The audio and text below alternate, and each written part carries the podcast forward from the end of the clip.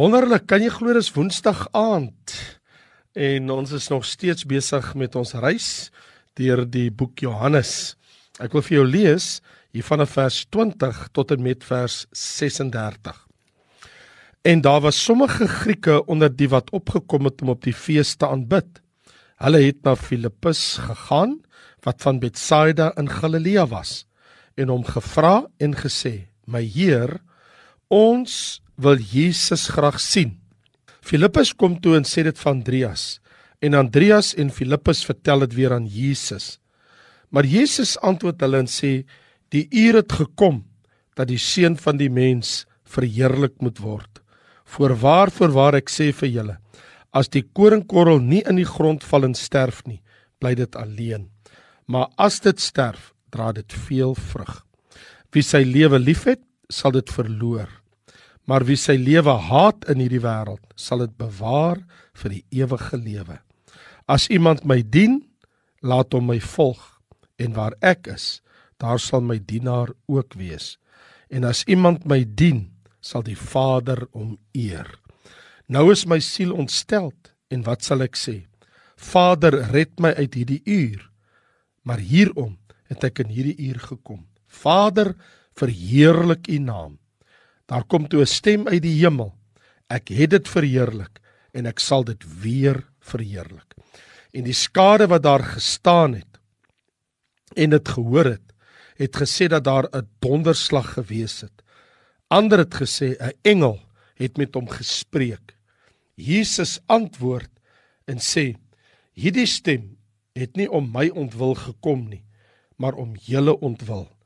Nou is dit die oordeel van hierdie wêreld. Nou sal die owerste van hierdie wêreld buitentoe gedryf word. En ek, as ek van die aarde verhoog word, sal almal na my toe trek. En dit het hy gesê om aan te dui hoe danige dood hy sou sterwe. Die skare antwoord hom: Ons het uit die wet gehoor dat die Christus tot in ewigheid bly. En hoe sê u dan dat die seun van die mens verhoog moet word? Wie is hierdie seun van die mens? En Jesus sê vir hulle: "Nog 'n klein tydjie is die lig by julle. Wandel solank as julle die lig het, sodat die duisternis julle nie oorval nie. En wie in die duisternis wandel, weet nie waar hy gaan nie. Solank as julle die lig het, glo in die lig, sodat julle kinders van die lig kan word." Dit het Jesus gespreek en hy het weggegaan en hom vir hulle verberg. Ek wil met jou praat oor pas naweek is nou al 'n geruime tydjie nou verby en ek wil met jou gesels oor die effek van die kruis. Want ons reis deur die boek Johannes bring ons hier by 'n baie baie treffende gedeelte in die Heilige Skrifte. Baie treffend is die gebeure wat Johannes vir ons hier beskryf het. Hier waar hy van vers 20 sê dat sommige Grieke het opgekom by fees toe kom aanbid. Hulle wil graag vir Jesus sien. Hierdie was godvreesende Grieke, want die Bybel sê hulle het opgekom om op die fees te aanbid, sommige Grieke. So hierdie en is baie duidelik ook Griekse teks wat ons hier het, het dit in die herhaaldelike. Dit wil sê die oorspronklike teks sê die koin Grieks. Hulle het aangehou en aangehou vra. Hulle hou aan met vra. Hulle wil werklik vir Jesus sien. Hierdie Griekse godvreesende manne, hulle wil met Jesus praat. Hulle wil met hom interaksie hê. En toe Jesus gebore is, is dit nogal aangrypend dat die Bybel ons leer dat die wyse manne uit die ooste het hom kom besoek. Nou dat Jesus na die kruis toe gaan, onderweg is na die kruis, het wyse manne uit die weste hom kom sien want Griekeland is uit die weste noordwes van die land Israel. Die heidene vra na Jesus en die Jode verwerp Jesus. Hy het na sy eie mense gekom, na sy eiendom, sê Johannes 1, maar sy eie mense het hom nie aangeneem nie. Wat vir my baie aangrypend hier is, op die versoek van die godvreesende Jode dat hulle Jesus bitter graag wil sien, is Jesus se antwoord baie treffend. Sy antwoord is Die uur het gekom dat die seun van die mens verheerlik moet word. In ander woorde, ek kan nie nou daaraan aandag skenk nie. Daar's nou eers 'n ander baie groot taak wat vir my voorlê. Voorwaar voorwaar ek sê vir julle, as die koringkorrel nie in die grond val nie en sterf nie, bly dit alleen. Maar as dit sterf, dra dit veel vrug. Wie sy lewe liefhet, sal dit verloor. Wie sy lewe haat in hierdie wêreld, sal dit bewaar vir die ewige lewe. So die illustrasie wat Jesus gebruik is 'n baie eenvoudige illustrasie. Jy sien wanneer jy 'n koringkorrel in jou hand vashou, kan jy nie sien wat daarin is nie. Jy kan nie sien wat is binne in die koringkorrel nie. Onthou dat elke korrel, as dit goeie saad is, het miljoene potensiële koringkorrels in dit. Want onthou in planttyd word die koringkorrel in die grond gegooi soos in 'n graf. Dit word in die grond begrawe. Dit word in die grond geplant. Daar sterf dit as ware. Onder in die grond word die korrel vrygestel uit sy omhulsel en 'n opstandingsplantjie asof uit die dode groei dan uit die grond. Eers 'n spriet, 'n halm en dan 'n aar. En wanneer dit groot geword het, hierdie plantjie, wanneer dit 'n nou plant geword het en dit het ryp geword, hierdie plant wat gegroei het uit die een koringkorrel wat in die grond begrawe is, wat in 'n graf gelê het, dra die koringaar nou baie korrels koring. So die baie koringkorrels is opstandingsvrug. Wat hierdie een koringkorrel as in jou hand gebly lê het, het dan mos niks gegroei nie. Maar die oomblik as jy die koringkorrel in die grond plant, jy begrawe hom in die grond, dan groei daar uit die grond 'n halm en uiteindelik het ons 'n volle aar. So Jesus verduidelik dat sy taak is nou op hande, dat hy moet sterwe. Hy moet in die grond neergelê word. Hy gaan begrawe word. Daardeur sal hy nuwe lewe in baie mense produseer. Jy sien, as daar geen vrugbare lewe is, daar kan nie 'n vrugbare lewe wees sonder die dood nie. Daar kan geen oorwinning wees sonder oorgawe nie. Kom ek stel dit so: As 'n koringsaad sou kon praat, sou dit sekerlik gekla het oor die feit dat dit nou in 'n koue, donker plek onder die aarde begrawe word. Die feit is Die enigste manier of wyse wat die koringkorrel sy doel kan bereik, is dit moet in die grond geplant word. Jesus sê dit is dieselfde met hom. Jesus sê ook dis dieselfde met ons. Wie sy lewe liefhet, dis ook ek en jy, sal dit verloor. Maar wie sy lewe haat in hierdie wêreld, jy offer dit op, sal dit bewaar vir die ewige lewe. Ons is ook so saad. Ons mag vir onsself en ons eie oë ook maar klein en onbenullig lyk. Maar ons het sy lewe in ons. En ons moet toelaat dat God ons plant. Vir dit beteken dit dat ons moet sterf aan diself. Soos wat ons sien in Romeine hoofstuk 6 vanaf vers 7. Hy wat gesterf het, is geregverdig van die sonde. As ons saam met Christus gesterf het, glo ons ons saam met hom lewe. So reken dat jy vir die sonde dood is, maar lewend is vir God in Christus Jesus.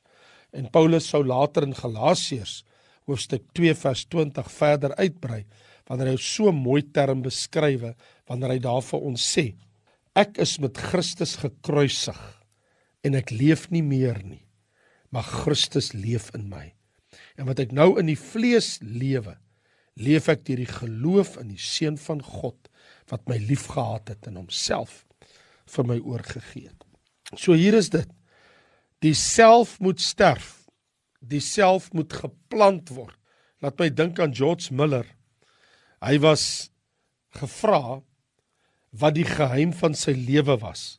En hierdie herlewingsprediker George Miller het gesê dit was die dag toe ek gesterf het, toe ek dood is en hy buig sy hoof en hy sê George Miller ek moes sterwe vir my eie opinies my eie voorkeure my eie wil vir hierdie wêreld want jy sien Die enigste manier waarop ons 'n vrugbare lewe in Christus Jesus kan lei, is ons moet Jesus volg. Om hom te volg, moet ons hom volg in sy dood. Moet ons hom volg in sy begrafnis.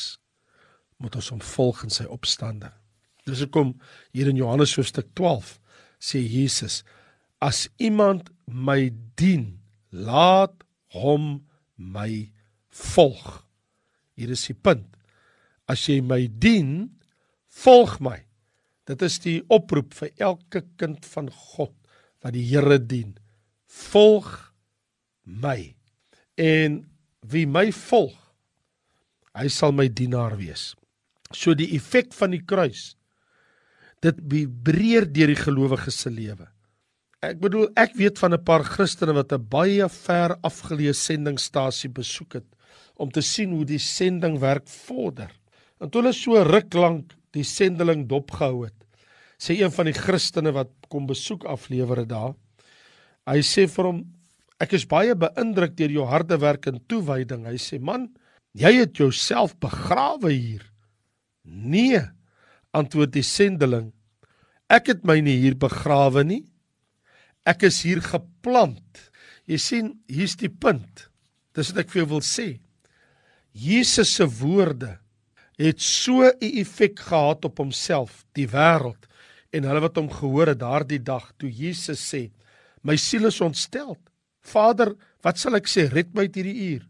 Hy sê maar omrede en vir hierdie uur hierom het ek gekom. Hy sê Vader, verheerlik U naam. En dan kom 'n stem uit die hemel wat sê ek het dit verheerlik en ek sal dit weer verheerlik. So hier vind ons Jesus ontstel in sy siel oor sy uur wat aangebreek het. En hy roep tot sy Vader en hy kry 'n onmiddellike antwoord uit die hemel. Want Jesus weet Getsemane lê voor. Ek bedoel letterlik 2-3 dae van nou af sal hy in Getsemane wees. En dan moet hy die volgende dag na Golgotha toe. En so hy's in 'n diepe stryd in homself. Want hy weet dat hy moet sterwe in die sonde van die wêreld op hom neem. Nou is dit aangrypend dat hy sê in vers 31 nou is dit die oordeel van hierdie wêreld. Nou sal die owerste van hierdie wêreld buitentoe gedryf word en ek as ek van die aarde verhoog word sal almal na my toe trek. En dit het hy gesê om aan te dui deur hoe danige dood hy sou sterwe. So die duiwel in hierdie wêreld gaan geoordeel word, maar Jesus sê ek sal mense na my toe trek. Laat my dink toe daai Torrie man eendag geskryf het.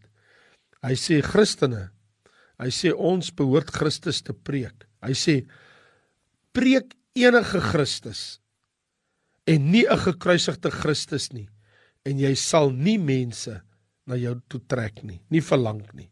Want jy sien sommige mense sal na sommige predikers luister wat 'n sosiale evangelie verkondig en hulle gaan nie daarby bly nie. Maar ons spreek Christus wat vir ons gekruisig is en wat uit die dood uit opgestaan het. Dis soos Paulus wat gesê het ek het my voorgenem om niks anders onder julle te weet as Jesus Christus en hom as gekruisigde sê hy in 1 Korintiërs 2 af van vers 2 af.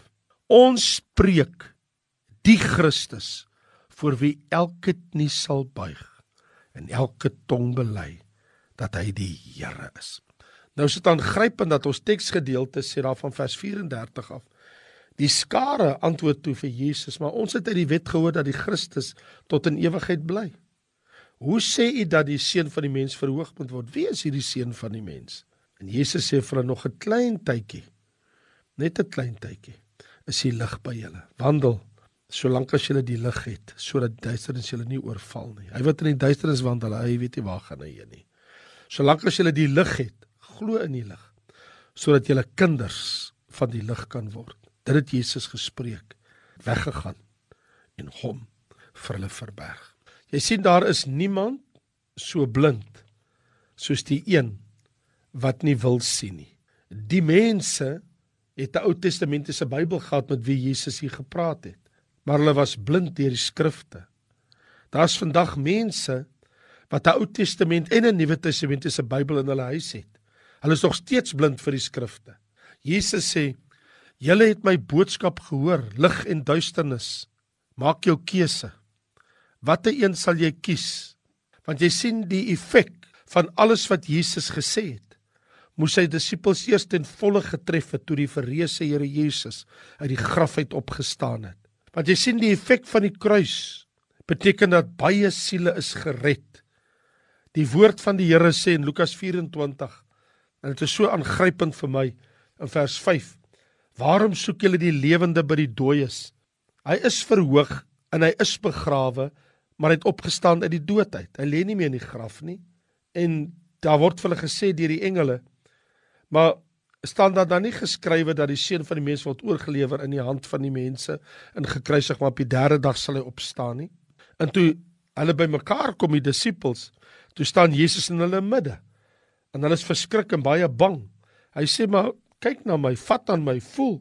'n Gees het nie vlees en bene soos julle sien ek het nie. En terwyl hy dit sê, toe wys hy vir hulle sy hande en sy voete en toe hulle nog nie kon glo, toe sê hy vir hulle gee my iets om te eet. Toe gee hulle vir hom 'n stuk gebraaide vis en 'n stuk heuningkoek en hy het dit voor hulle oë opgeëet. Jy sien, hier is die punt. Ek en jy behoort nou sy getuies te wees. Want ek en jy wandel mos nie meer in die duisternis nie. Die effek van die kruis is mos ek en jy's ook mos nou sy getuies.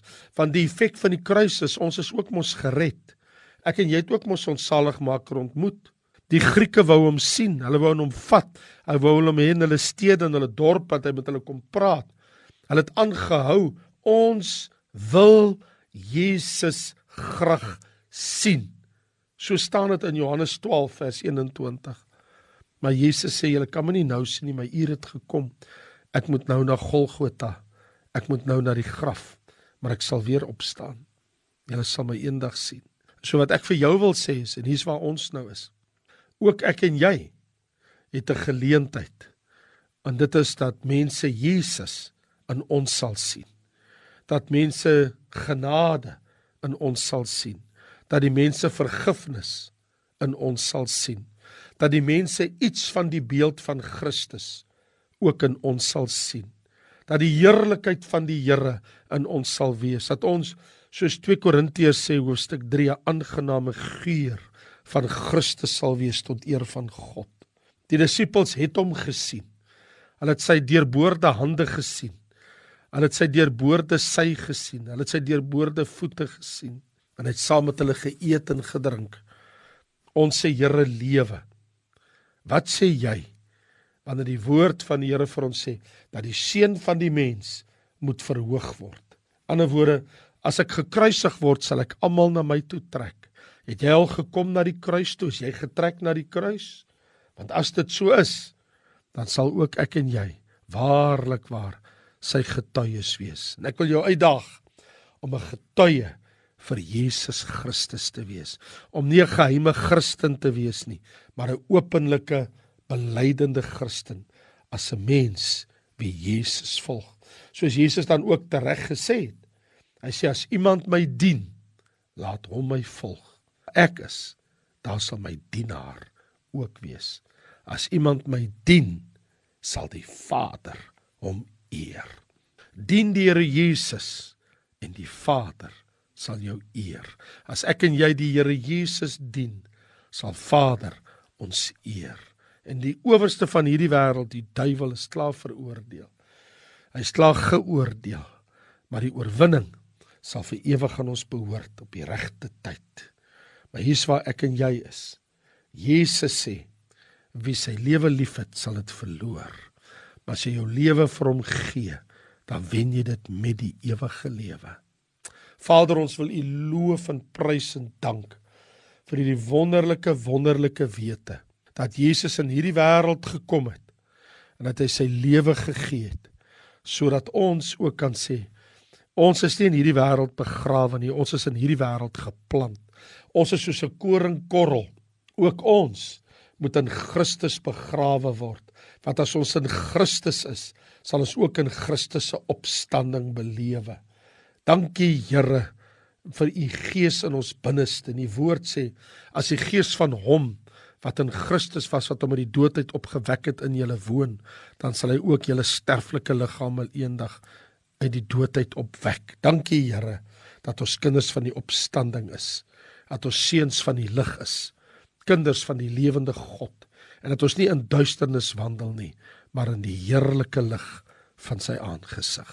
Laat u seën en u vrede op ons rus terwyl die effek van die kruis in ons lewe uitspeel en siele na u toe kom omdat hulle sien wat u in ons lewe gedoen het.